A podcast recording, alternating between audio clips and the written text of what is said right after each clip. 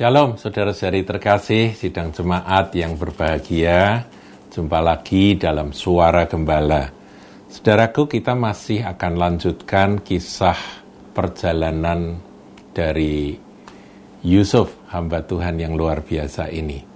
Saudara, kalau kita memperhatikan bagaimana riwayat Yusuf, maka judulnya cuma satu, yaitu apa?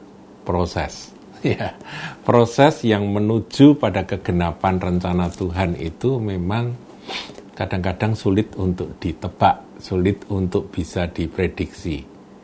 Ya, itulah yang dialami oleh Yusuf. Tetapi yang penting, Yusuf sendiri tetap menjaga takut akan Tuhan, percaya pada Tuhan, dan dia tetap komunikasi dengan Tuhan yang dia sembah.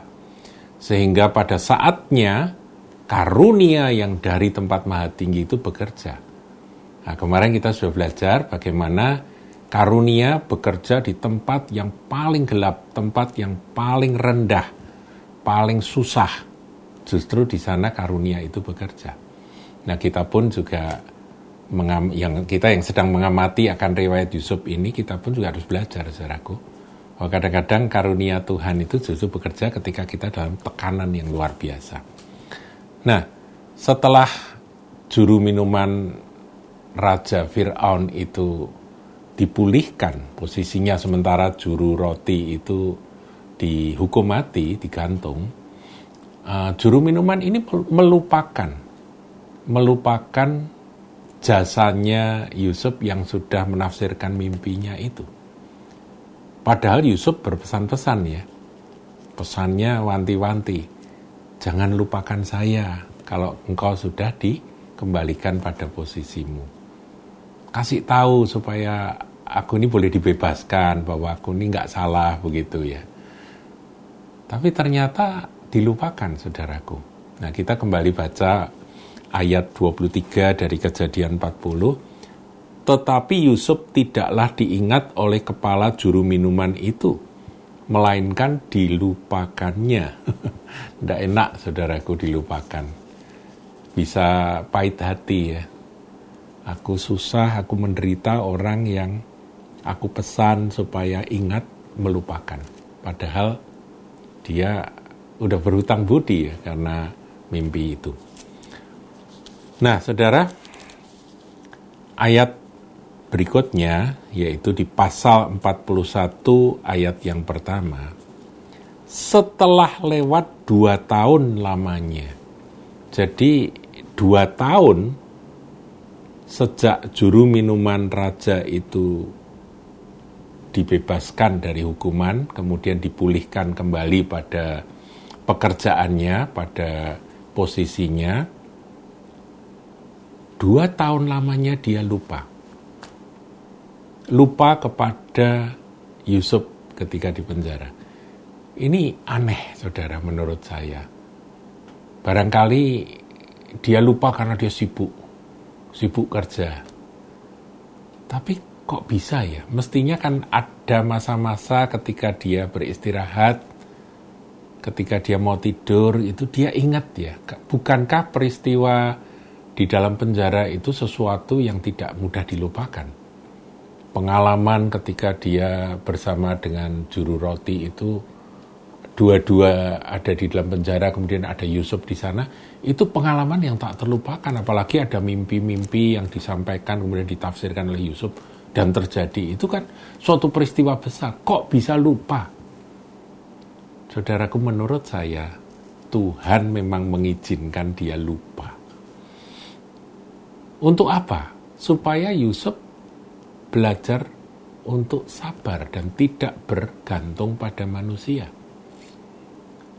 Jadi proses atau pelajaran bagi Yusuf itu sejak dia di, uh, dijual kepada orang-orang Midian itu, dijual oleh uh, saudara-saudaranya, itu Yusuf sampai dia di dalam penjara itu sampai nanti ketika dia dikeluarkan dari penjara itu 13 tahun, saudara. Jadi suatu masa proses yang tidak singkat, panjang sekali. Ya, itu yang dialami oleh Yusuf. Tuhan izinkan karena belum selesai. Pendidikannya, pelatihannya belum selesai. Saudaraku, kita harus mau menerima apa yang disebut dengan God's time. Kalau waktu Tuhan itu belum datang, saudara kita harus sabar menanti. Ya saya ingat ya di kota Solo itu ada ada satu rumah makan terkenal saudara jual bakmi judul atau anunya apa itu plang nama dari warung tersebut adalah sabar menanti.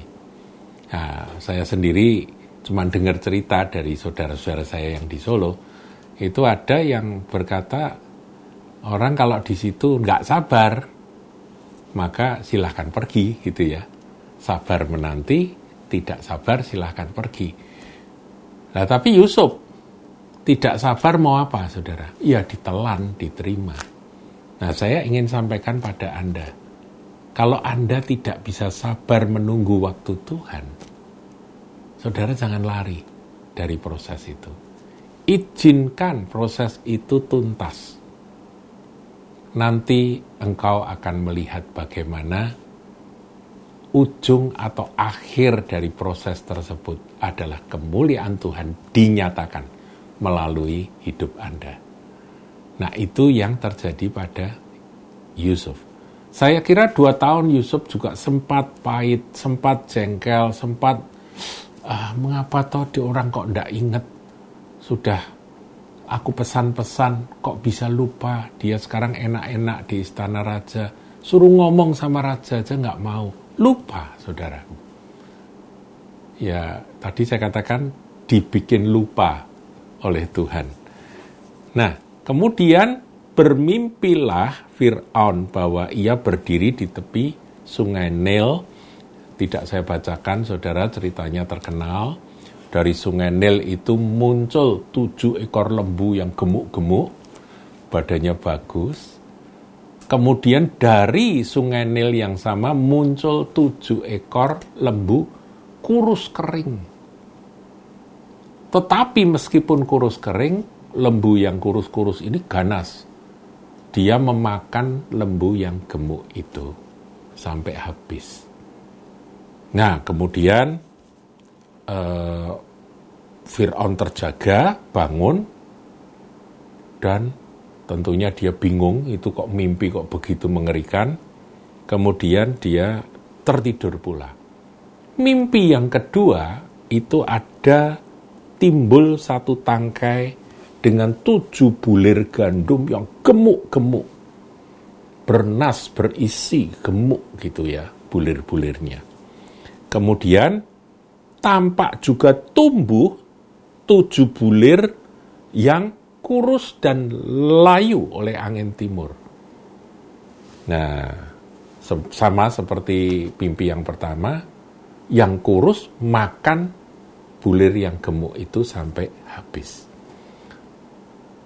Bangun Fir'aun. Bingung gitu, saudaraku ya ini mimpi apa begitu ya. Gelisah hatinya, dia panggil semua ahli, orang berilmu di Mesir Kemudian Fir'aun menceritakan mimpinya itu kepada mereka, tapi tidak ada seorang pun yang bisa menafsirkan akan maknanya.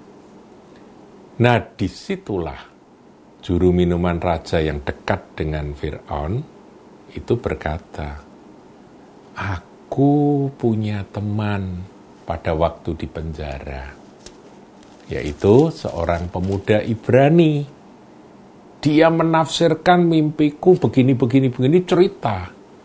Tertariklah Fir'aun. Panggil dia. Nah, saudaraku, kalau sudah tiba waktunya Tuhan, maka semuanya akan mudah. Tapi yang namanya waktu Tuhan itu harus ditunggu, harus didoakan, sabar menanti, saudaraku. Kalau tidak sabar, pergi nggak dapat apa-apa, saudaraku. Kita harus sabar menunggu waktu kegenapan dari seluruh rencana Tuhan. Kalau kita mundur, saudara, waktu uh, Yusuf ini masih seorang remaja, dia akan mimpi. Maka Yusuf itu disebut tukang mimpi kan. Dia mimpi, saudara. Mimpi apa? Dia mimpi ada berkas-berkas gandum, punya dia dan punya saudara-saudaranya. Kemudian berkas gandum yang lain itu nyembah berkasnya dia. Pertama itu, itu berkas. Itu aja sudah bikin jengkel saudara-saudaranya. Tapi Yusuf itu dengan polosnya ceritakan itu, marah semua. Kamu mau anu ya, jadi yang terutama di antara kami. Kamu ingin kami nyembah-nyembah kamu. Kurang ajar ya. Ini caranya udah gak seneng karena Yusuf ini memang dianak emaskan oleh ayahnya. Jadi sudah gak suka, mimpinya kayak gitu sih. Sekalian diceritakan lagi. Nah Yusuf ini tentunya kurang berhikmat saudara. Ini mundur ya ceritanya ya. Kurang berhikmat. Karena dia menceritakan sesuatu yang dia tahu pasti bahwa kakaknya pasti marah. Udah gitu mimpi lagi. Nah mimpinya yang kali ini lebih lebih mengerikan saudaraku. Ada uh, bintang-bintang ya jumlahnya sesuai dengan jumlah saudara-saudaranya. Kemudian ada matahari, ada bulan. Nah itu gambaran dari ayah dan ibu. Kemudian semuanya menyembah kepada Yusuf. Waduh, waktu diceritakan, ayahnya saja tidak bisa terima. Si Yakub nggak bisa terima akan mimpinya Yusuf. Apalagi saudara-saudaranya, makin bencilah mereka kepada Yusuf. Nah, itu adalah masa-masa apa? Innocent but lack of wisdom, ya saudaraku. Masa-masa uh, polos, innocent, tapi kurang hikmat dari dari Yusuf ya Yusuf perlu diproses. Menurut saya mestinya pada waktu itu Yusuf cukup cerita pada ayahnya saja. Sebab dikatakan di dalam ayat uh, terakhir dari perikop itu dikatakan ayahnya menyimpan hal itu di dalam hatinya. Dia tidak perlu mestinya cerita sama saudara-saudaranya, tapi ya jalan cerita harus begitu ya dan dan itu akhirnya menjadi kisah bagaimana dia uh, dimasukkan ke sumur dan sampai akhirnya dia uh, ke Mesir itu, saudara. Nah, kembali kepada dua tahun lamanya dia menunggu. Dia sudah di penjara sekian lama. Kita tidak tahu berapa tahun dia menjadi budak di rumah Potifar. Kita nggak tahu. Mungkin cukup lama, saudaraku. Dia di sana cukup lama, tapi kemudian dia masuk penjara. Berapa tahun di penjara juga tidak dijelaskan waktunya. Eh, durasi waktunya tidak dijelaskan oleh Alkitab. Tapi kalau kita total, itu semuanya 13 tahun sampai dia berdiri menghadap Fir'aun. Dikatakan ketika dia menghadap Fir'aun, dia sudah dikasih pakaian yang bagus, dia bercukur, dia udah tampil bersih, dan kemudian dia menafsirkan akan mimpi Fir'aun tujuh lembu itu artinya tujuh tahun. Lembu gemuk artinya ada masa makmur, masa kelimpahan tujuh tahun. Tujuh lembu kurus itu adalah tujuh tahun masa kekeringan, masa kelaparan. Kemudian gandumnya juga demikian. Tujuh bulir dan tujuh bulir itu. Itu bicara tujuh tahun. Nah, kemudian setelah itu Yusuf menganjurkan harus ada persiapan di masa panen, di masa kelimpahan kita stok, kita simpan gandum sebanyak mungkin supaya nanti di masa kelaparan kita punya makanan, kita punya roti. Nah, saudara, usul itu dianggap baik oleh Fir'aun dan yang luar biasa, saudaraku, Kisah ini memang sejarah seperti dongeng, tetapi ini kisah nyata. Luar biasanya, Fir'aun itu bisa jatuh hati kepada Yusuf, ya karena karunianya, karena hikmatnya, mungkin karena penampilannya, tapi yang aneh, langsung dia diangkat saat itu juga. Bisa bayangkan, saudaraku, seorang narapidana yang bukan siapa-siapa, tampil di depan Fir'aun, Fir'aunnya semalaman baru gelisah karena mimpi, kemudian dijelaskan makna mimpi, dikasih nasihat, langsung Fir'aun itu menerima nasihat itu, dan akhirnya Fir'aun menyerahkan akan kuasa yang tertinggi atas seluruh Mesir kepada pemuda ini. Ini aneh tapi nyata, saudaraku. Artinya apa, saudaraku? Artinya kalau sudah waktunya Tuhan, itu sudah semuanya mujizat. Kalau sudah saatnya Tuhan, sudah waktunya Tuhan, itu nanti sudahlah semuanya itu kayak kayak kayak mimpi aja, kayak kayak orang mimpi aja. Terjadi semua yang direncanakan Tuhan itu seperti Tuhan itu membalikkan telapak tangan. Plek begitu. Semuanya tergenapi, tergenapi.